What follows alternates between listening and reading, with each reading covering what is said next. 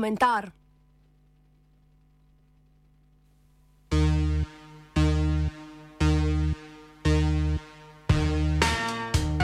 Vojna s predvolilno kampanjo.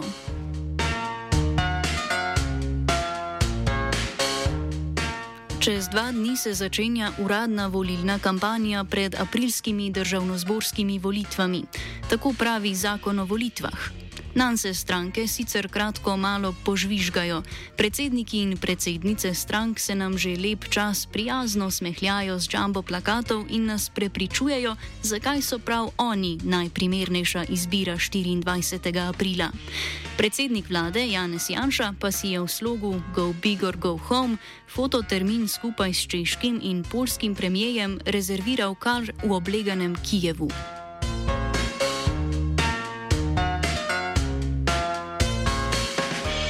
Z vlakom so se odpeljali na obisk k ukrajinskemu šarcu, ruskemu plačancu in komiku brez političnih izkušenj Volodimirju Zelenskemu.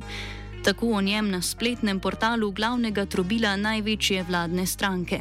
Janša je dobil slike, narod pa ob tej posebni priložnosti podaljšane odmeve. V njih je Janša v 40-minutnem pogovoru izčrpno pojasnil ključno vlogo fototermina v Kijevu. Lahko smo prepričani, da bo premijer poskrbel, da slovenska javnost teh fotografij ne bo pozabila vsaj do volitev, po možnosti pa naslednjih 30 let.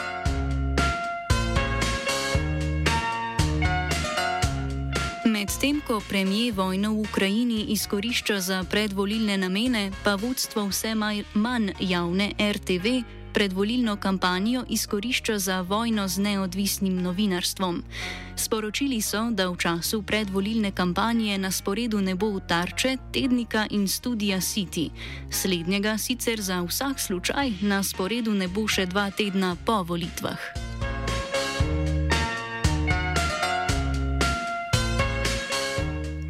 Studio City je oddaja, ki je vladajoči kliki trn v peti že dlje časa.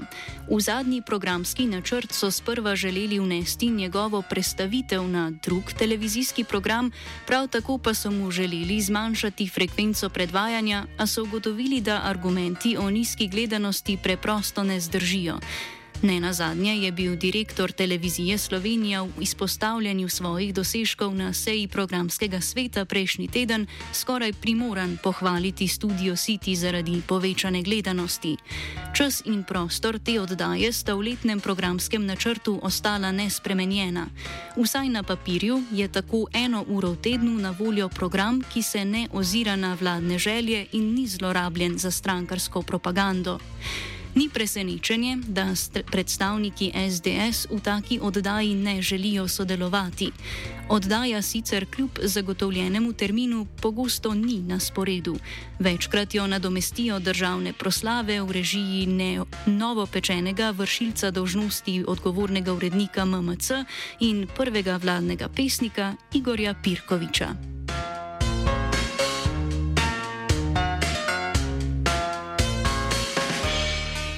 Zloraba predvolilne kampanje za ukinitev oddaje tako ni presenetljiva. Je le še nadaljevanje in stopnjevanje modusa operandi vodstva RTV. V mesecu pred volitvami ima za voljivce vsaka medijska vsebina, ki kritično preizprašuje politiko in družbo, še večjo vlogo. Predvolilna soočenja, ki bodo te oddaje nadomestila, so sicer res nuja vsake demokratične države in nenadomestljiv sestavni del procesov neposrednega demokratičnega odločanja, a to ne opravičuje tako intenzivnega posega v redno programsko schemo. Kampanja je sama po sebi skoraj prenasičena soočenji, ki pogosto spominjajo na kvize in resničnostne šove, zato bi odpovedane oddaje lahko predstavljale streznitev tako voljivcev kot politikov.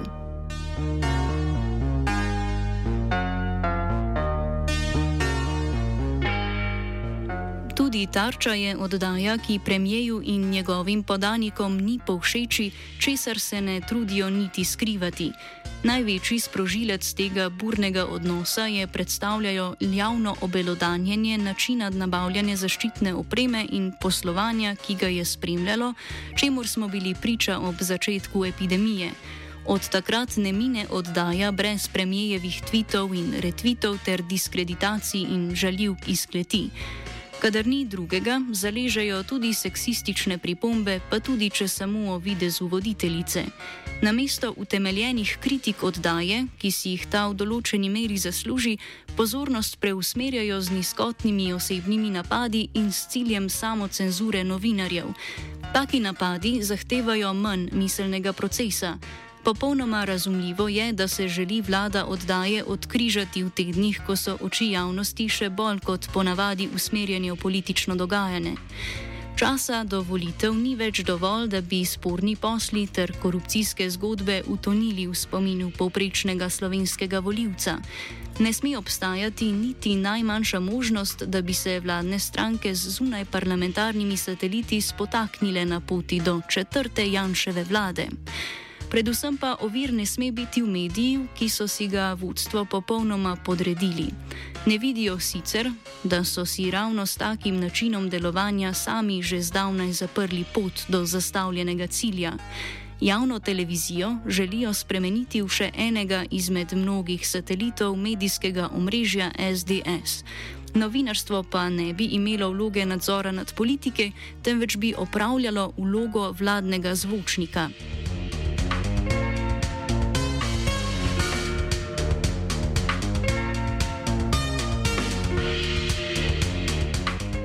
Presenečenje tako res ni tisto, kar bi ob vseh teh potezah lahko občutili. Kljub temu, da premijer vojno z mediji bije že vsaj od nastopa vlade in jo je z objavo basni o kuhani žabi javno napovedal, se je očitno odločil, da jo je v predvolilnem času nujno zaostriti. Česar ni dosegel v programskem načrtu in zamenjavo urednikov, je opravil sedaj. Neljube oddaje, ki so kljub novi metli na RTV preživele, je pometel z izgovorom o predvolilni kampanji. Vodstvo televizije sicer opozarja, da gre le za začasen ukrep in da oddaj ne ukinjajo, a ko bodo naslednjič na sporedu, bodo glasovnice že oddane in preštete. Nobeno neprijetno vprašanje, neumen odgovor ali, kot v primeru nekdanje pravosodne ministrice, tišina, tega ne bodo spremenili.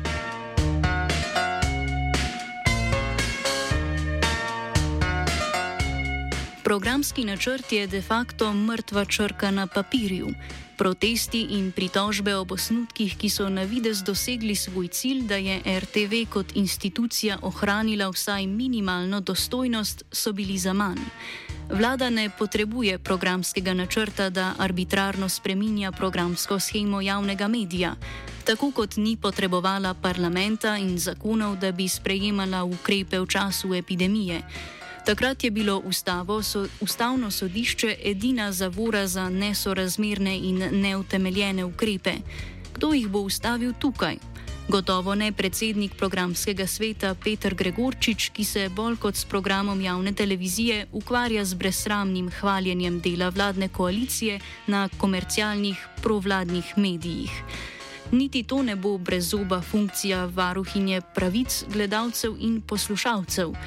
Program je tako obsojen predvsem na programski svet, ki ga je pod krinko civilne družbe ugrabila politika. Edino druga možnost so zaposleni na RTV, ki formalno nimajo veliko pooblastil in se lahko zanesejo predvsem na gverilski upor. Vodstvo je do sedaj vse proteste v veliki meri in brez večjih težav ignoriralo.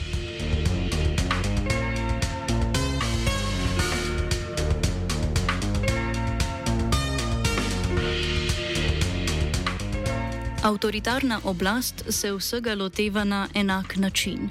Če je nihče ne ustavi prvič, je ne bo niti drugič in vsakič naslednjič.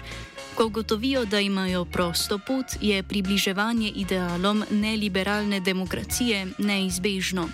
Njihova skušnjava po javnem mediju je toliko večja, ko nekoliko severovzhodno od nas vidijo, kako učinkovito orožje je lahko v predvolilni tekmi. Svoboda medijev, predvsem tistih, katerih osnovno poslanstvo naj bi bili javni interes, je osnovni pogoj za svobodne in demokratične volitve. V nasprotnem primeru se demokracija lahko ujame v spiralo, v kateri je možnost izhoda z vsakimi volitvami manjša.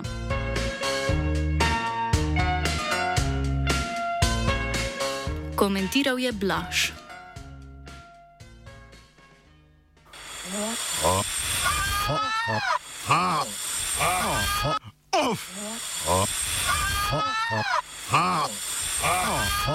Komentar.